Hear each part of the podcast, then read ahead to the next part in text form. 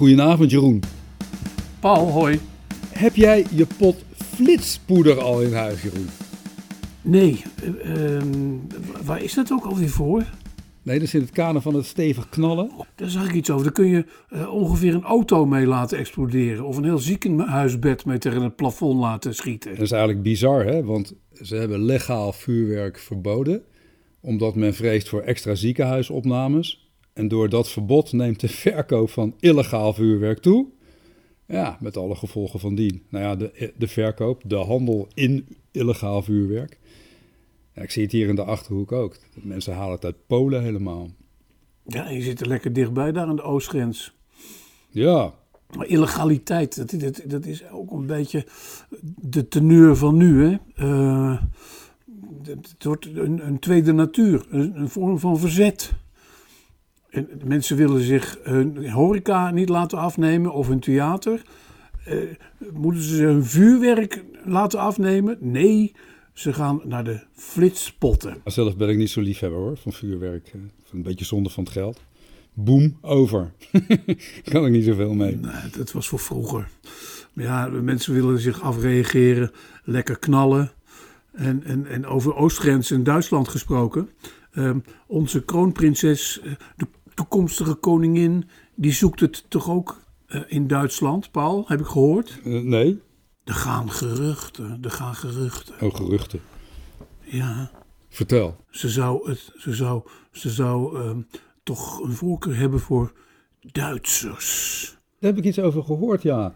Dat staat in dat boek wat over haar verschenen is en wat overal is uitverkocht vanwege een tekort aan papier. Dat zij Duitse mannen toch een stuk galanter vond. Ja, haar boek uitverkocht, uitgebreid in de pers, omdat ze van grondwetsreden nu mocht aanzitten bij de Raad van State. Wat een voorrecht. En heb ik bedacht, wat een geluk dat wij dat niet hoeven. Toch, als kind? Lijkt me wel eens interessant om dat mee te maken op het hoogste niveau. Het bestuur van het land bestuderen. Heb jij toch gedaan? Hoezo? Je zit toch goed in het staatsrecht? Nou, goed, ik weet er iets van. Maar er valt altijd nog veel te leren. Nou, dat is goed als, als Amalia er iets van meekrijgt. Alleen vond jij het ook niet een theater? Het, alle journaals en Maxima en de koning Willem-Alexander, papa Alex, die haar die zaal van de Raad van State binnen gidsen, binnen loodsen. Ehm, mooie statements. Ik vond het zo'n theater. Maar dat is juist mooi. Stel je voor dat ze daar op de fiets kwam aan eh, fietsen in een oude spijkerbroek. Zegt, paps, ik ga even... Nee, Jeroen, Jeroen. Een koningshuis, dat hoort ook zo te zijn. Dat hoort toch een heel klein beetje een sprookje te zijn. Dat hoort ook met een mooie koets en een kroon en een hermelijnen mantel. Nee, ik hou daar wel van. Maar die koets die staat vol met vreselijke taferelen uit ons koloniale verleden. Ja, maar die, die staat in het museum. Er zijn ook nog andere koetsen. Hè? De glazen koets, geloof ik. Dat, dat, dat kan. Eh, Amalia is anders dan menig lieve schat van 18 al uitgebreid doorkneed natuurlijk van allerlei koninklijke oranje gewoontes. Toch dacht ik aan haar gezichtstaal te zien bij het uitspreken van ingestudeerde formules dat ze eigenlijk misschien toch wel liever in Spijkerbroek de grens overgaat om eens gauw eh, een hooiberg op te zoeken met een galante Duitse jongen. In plaats van doorkneed te raken, doorkneed in het staatsrecht. Maar goed, ik, ik, ik, ik, ik, ik kan het beamen met je, het is leerzaam, ja. Maar het is ook, ook wel heel bijzonder dat je een eh, staatshoofd hebt. die van jongs af aan weet dat ze staatshoofd wordt. en haar hele leven zich kan eh, bekwamen in het zijn van staatshoofd. Ja, dat is toch wel eh, de moeite waard. Heb je niet zomaar iemand, dan heb je daar geen charlatan zitten.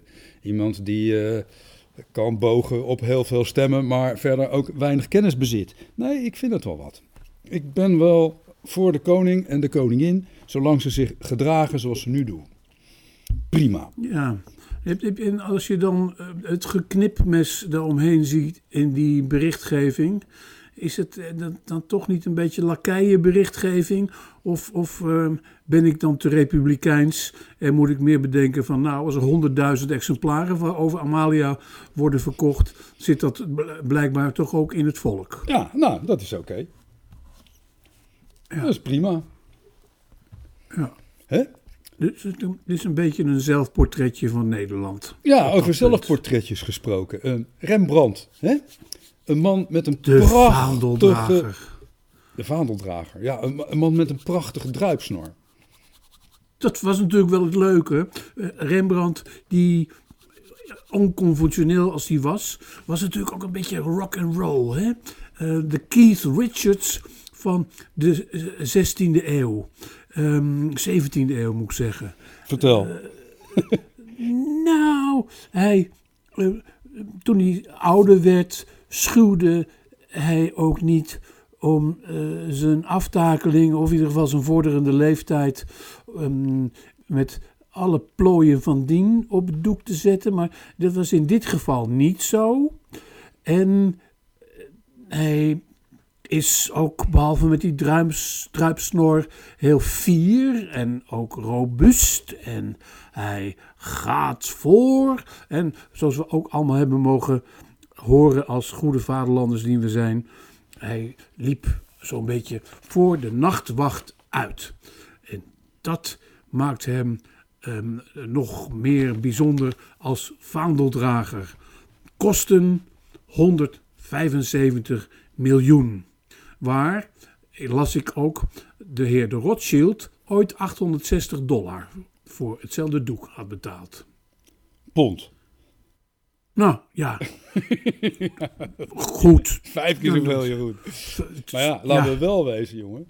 Het is wel iets van ons allemaal. Hè? We zijn allemaal weer een stukje eigenaar van de Rembrandt. En weet je wat het leuke is? Het is natuurlijk een uitstekende belegging. Zo had ik het nog niet gezien. Een paar jaar geleden, toen kocht de Nederlandse staat kocht aandelen Schiphol. Nou, dan kun je toch voor mij, gevoel, kun je toch veel beter een Rembrandt kopen. Er is straks altijd wel weer een, een, een, een Jeff Bezos of iemand van die statuur die er, nou, toch wel een miljardje voor over heeft. Ik denk dat het een goede belegging is. De vaandeldrager gaat ook op, op eh, tournee. Hè? De vaandeldrager komt naar je toe binnenkort. Nou, dan kan het vaandel wapperen. Maar toch dat bedrag. Hè? We kennen eh, andere voorbeelden. Opium hè, en, die, en haar echtgenoot gingen aan de, deze deal vooraf. Een jaar of zes geleden, 2015. We hebben ooit over de Victory Boogie Woogie. De aanschaf destijds van Rudy, Rudy Fuchs, het schilderij van Mondriaan, het nodige te doen gehad. Vind jij met mij, dat hoeft het niet eens te zijn, maar ik vind de timing toch wat wrang. 175 miljoen voor één doek, terwijl dat eh, een, een bedrag is eh, wat eh, ongeveer eh, in zekere zin gelijk is aan de hoeveelheid die musea hebben moeten bezuinigen. Of eh, eh, in een andere denktrand een bedrag dat ook kan worden uitgegeven aan noodlijdende moderne kunstenaars. Ja, ten eerste, dat bedrag is natuurlijk niet weg. Dat van die moderne kunstenaars, ja, daar, daar ben ik wel met je eens. Dat, ik weet niet of dat ten koste gaat daarvan. Maar zoals ik zei, we hebben een schilderij wat dat zeker en waarschijnlijk wel meer waard is. En stel je voor dat we het niet gekocht hadden. En de Rothschilds die hadden bekendgemaakt van, ja, we hebben het aangeboden aan de Nederlandse staat. Maar ja, die wilden het niet hebben. En nu verkopen we het aan ehm, het Metropolitan, hoe heet dat, eh, het grote museum in New York. Ja, Ja, ik denk dat de wereld dan ook te klein was geweest. En dan 175 miljoen. Ach, als je dat vergelijkt met wat ze tegenwoordig voor een gemiddelde voetballer uitgeven, dan is het zo slecht nog niet. nou, met, met, met Opium en haar partner was het eh, een paar jaar geleden nog delen met de Fransen. Dat is ook zielig. Daar kwam, daar kwam Alexander Pechtold ook nog eh, voor in het geweer. Toen nog Kamerlid voor D66. Samen met toenmalige directeur Wim Pijbers van het Rijksmuseum. Nu heeft mevrouw van Engelshoven dat blijkbaar kunnen uitonderhandelen met de Fransen. Nou, die waren er blijkbaar uh, in dit geval niet zo hebberig op. Dus het is een puur Nederlandse gelegenheid. En bij het Rijksmuseum, ik had het net over het theater rond Amalia, spelen ze dan ook wel graag het theater van nationaal bezit. Nou, e-, eerlijk gezegd, begin van deze week, toen we het allemaal nog niet wisten, zat ik niet heel erg op de vaandeldrager te wachten. Mhm. Nee, maar ik wist het ook niet. We hadden er nog nooit van gehoord eigenlijk. Maar ik snap het wel dat het gebeurt. En ik weet niet hoe lang ze daar al uh, mee bezig zijn. Maar goed, het, het dient zich aan. Ach, Jeroen. Het zal wel weer overgaan. Het is bezit wat waardevast is. En dat is op zich nou, ook niet zo'n probleem. Hè? Vroeger hadden we goud en tegenwoordig hebben we schilderijen. Ik heb ook gelezen dat uh, maar 10% van de Rembrandts nog in Nederland zijn.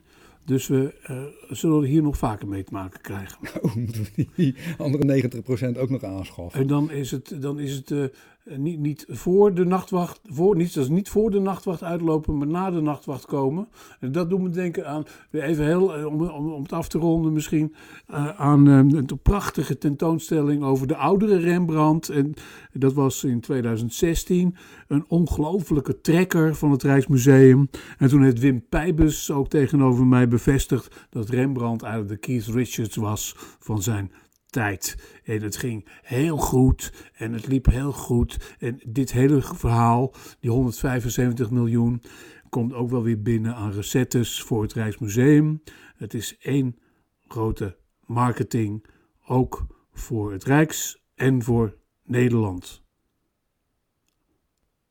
Het gezicht van Nederland, het gezicht van Nederland, het beeld van Nederland, het porum van Nederland. Paul, maak jij je de laatste tijd ook niet druk over biometrie? Het gezicht. Ja, wat dat betreft sta ik daar wel eens even bij stil de, eh, de laatste tijd. Ik heb dat gelezen, ja, dat je tegenwoordig wellicht naar theaters kunt, eh, vooral naar grote popfestivals. Als je van tevoren even een fotootje laat maken van je gezicht en dan ga je langs een gezichtscanner en dan heeft het festival jouw kenmerken al ergens staan in een computertje. En dan zien ze dat aan mijn gezicht. Dat is Paul en hij heeft een ticket gekocht. Hij heeft een coronapas. Hij heeft geld genoeg om onderweg ook nog eens een keer op het terrein een glaasje limonade te kopen. Ja, ik maak me er wel zorgen over. Vooral omdat ik laatst ook een artikel las. Volgens mij in de NRC. Hoe dat op dit moment in in Rusland gaat. Daar kun je zo de metro in. Poortje gaat voor je open als je langs een camera loopt. Omdat zij ook je gezicht herkennen. Mhm. En zij gewoon weten wie je bent. En dan automatisch het geld van de reis van je rekening afschrijven. En zo langzamerhand hangt die hele stad vol met camera's. Als er, er is dus een, een, een oproer of een, een demonstratie, dan worden alle mensen meteen herkend. Je kent dat al een beetje in China, waar mensen worden gevolgd, waar alle gangen worden nagegaan. Ik maak me daar wel zorgen over. We hebben het al op het paspoort, we hebben het al in de telefoon. Onze gegevens, alles wat je schrijft, alles wat je maakt, zit ergens in de cloud opgeslagen bij een commercieel bedrijf. Ja, we hebben het burgerservice nummer, we hebben een, um, QR-code, zo'n zo'n ding voor uh, identificatie, een DigiD. En nou is het zelfs zo, ik heb een kleine zaak.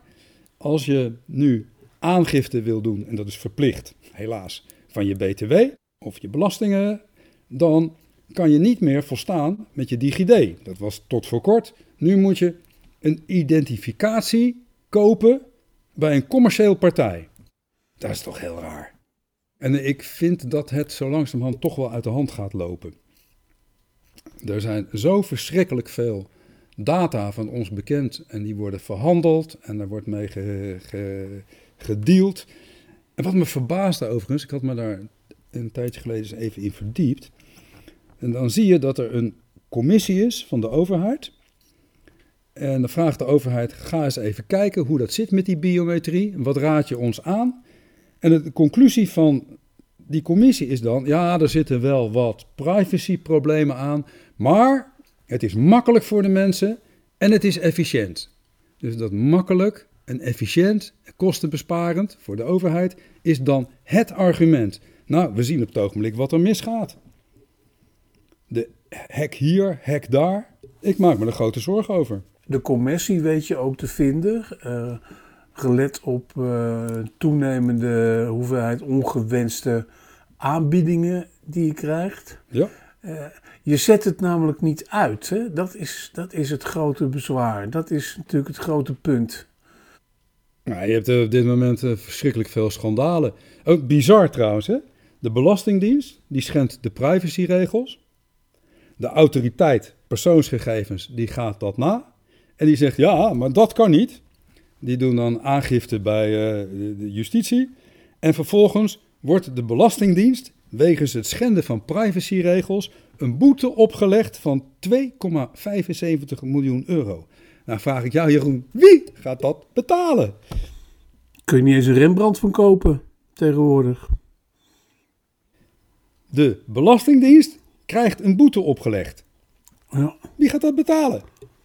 Wordt verdisconteerd op de belastingbetaler. Ja, de belastingbetaler zal dat uiteindelijk moeten betalen. Ja, dat is natuurlijk onzin. Dan kan de overheid zeggen: wij hebben belastinggeld uh, geïnd van de Belastingdienst als boete. Nou komen zij 2,75 miljoen tekort. Nou, dat moeten we dan maar uit de belastingen van de burgers bijplussen. Het wordt trouwens nog gekker. Het wordt nog veel gekker, Jeroen.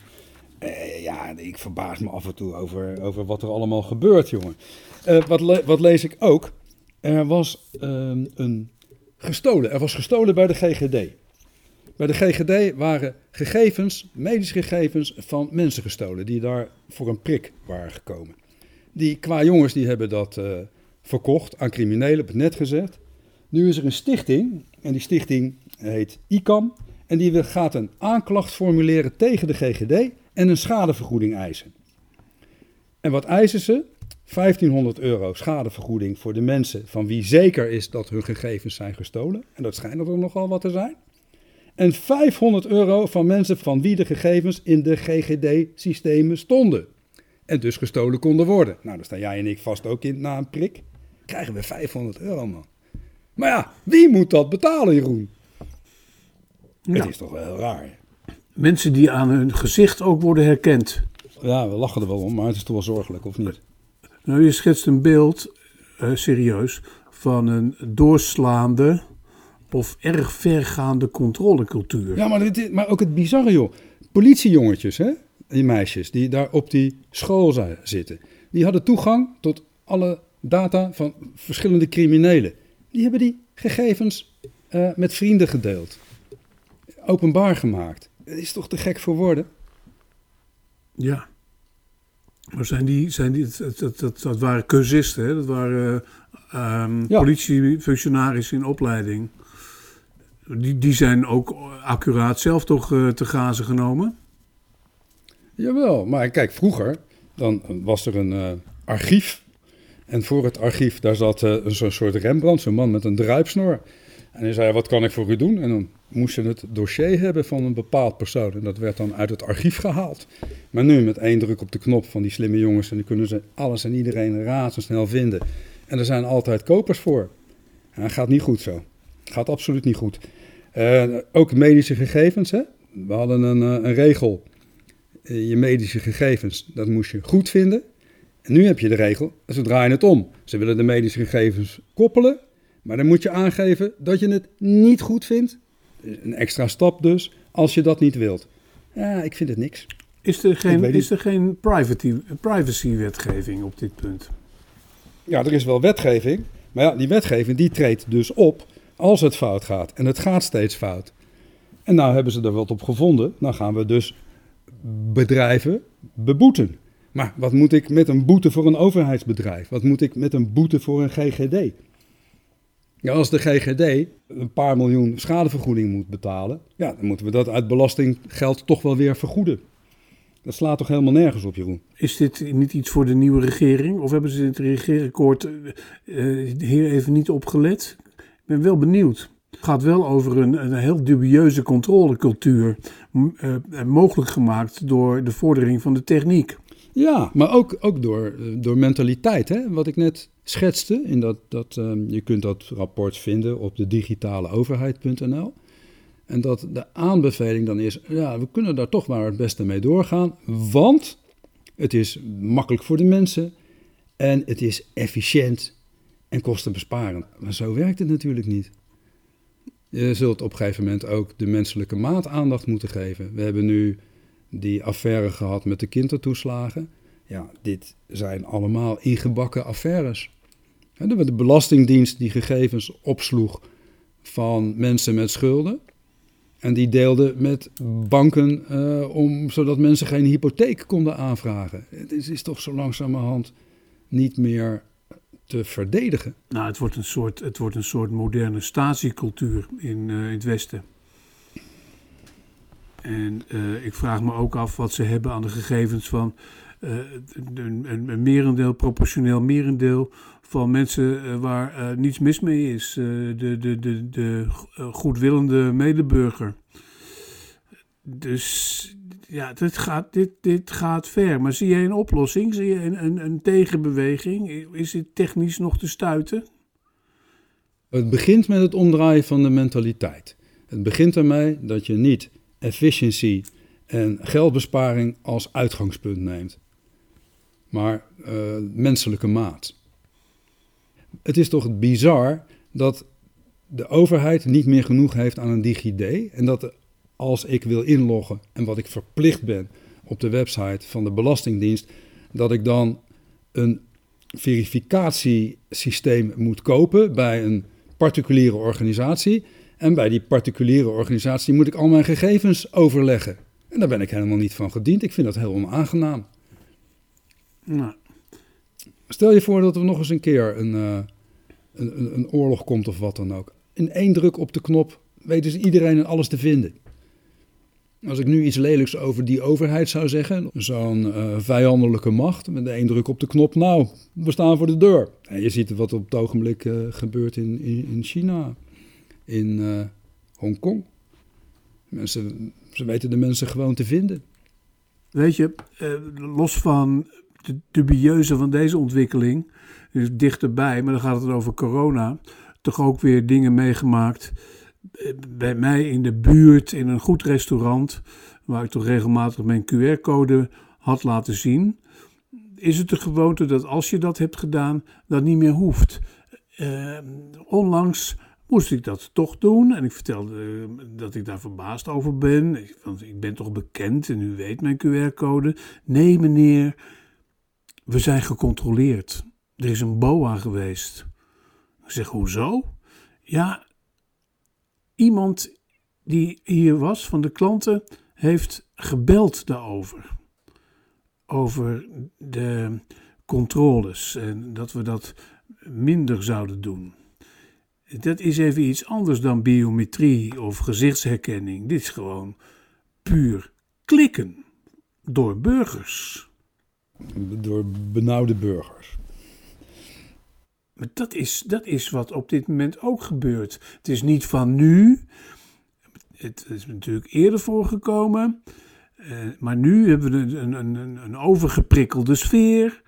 En stel ik vast dat dit dus gebeurt. Blijkbaar heeft die, die uh, café-eigenaresse het niet zo gedaan dat haar klanten, die dus het benauwd krijgen, dat die op de hoogte zijn van het feit dat stamgasten gecontroleerd zijn en dat zij daarvan op de hoogte is. Nou, er is wel een mogelijkheid toe. Hè? Je kan niet zomaar uh, de gegevens van mensen opslaan. Dat is de AVG, de Wet op de Privacy. Maar ze zou bijvoorbeeld een uh, toegangspasje kunnen maken. En als je dan ondertekent dat jij het goed vindt dat jouw gegevens van de coronapas op dat uh, toegangspasje staan, of dan althans dat de café-eigenaresse weet dat je daarmee toegang kunt krijgen, dan kan zo'n pasje wel weer wat soelaas bieden. Maar ja, het blijft allemaal een hoop gedoe. En het is een uh, hoogste tijd dat we van deze ellende afkomen. En dat we een boosterprik kunnen halen. Ik zit erop te wachten. Oh, dat, wat dat betreft ook nog iets apart, Jeroen. Dat uh, las ik dan weer in mijn lijfblad Tubantia, over bureaucratische waanzin gedacht. Artsen die wilden helpen. Minister De Jonge die had gezegd: wie kan helpen met de boosterprik? Nou, er waren hier twee artsen en die zeiden: dat willen wij wel, net gepensioneerd. Dus die belden de GGD, kregen ze te horen: meneer, u moet zich aanmelden bij het uitzendbureau. Dus zij het uitzendbureau bellen.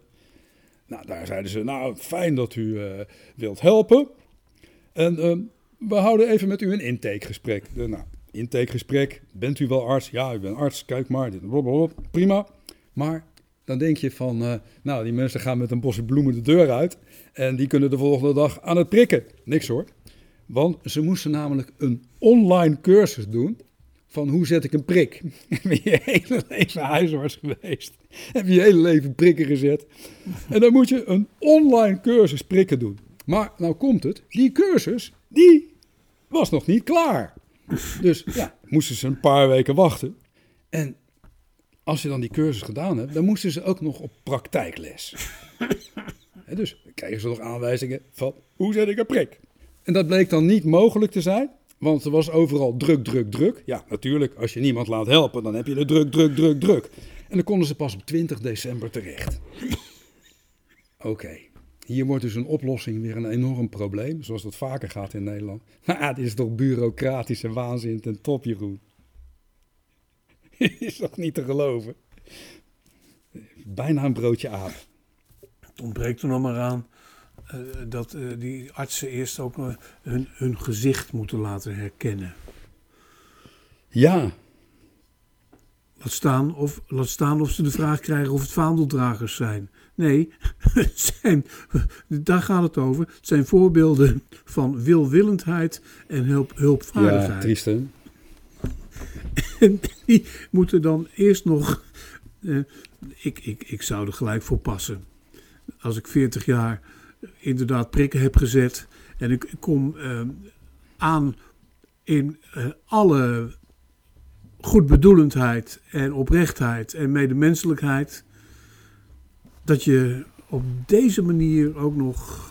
Ja, je hoort, dat, je hoort dat niet alleen. Dit is natuurlijk een, een, een mooi verhaal. Een mooi verhaal ook om te vertellen omdat het laat zien ja, hoe gek het eigenlijk wordt.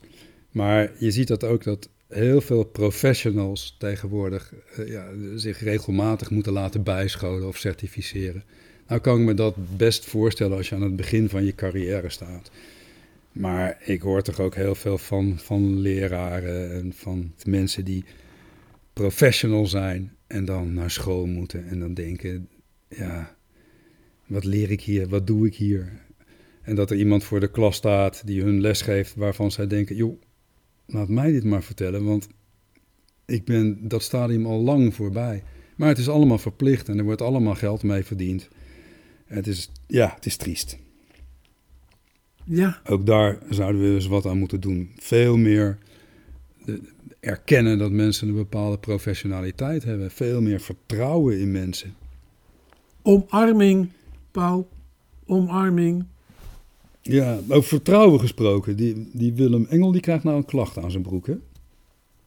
Heel veel, uh, zelfs heel veel aanklachten, heel veel ondertekenaars tegen hem.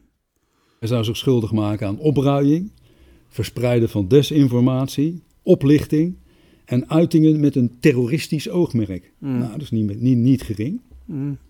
Clown.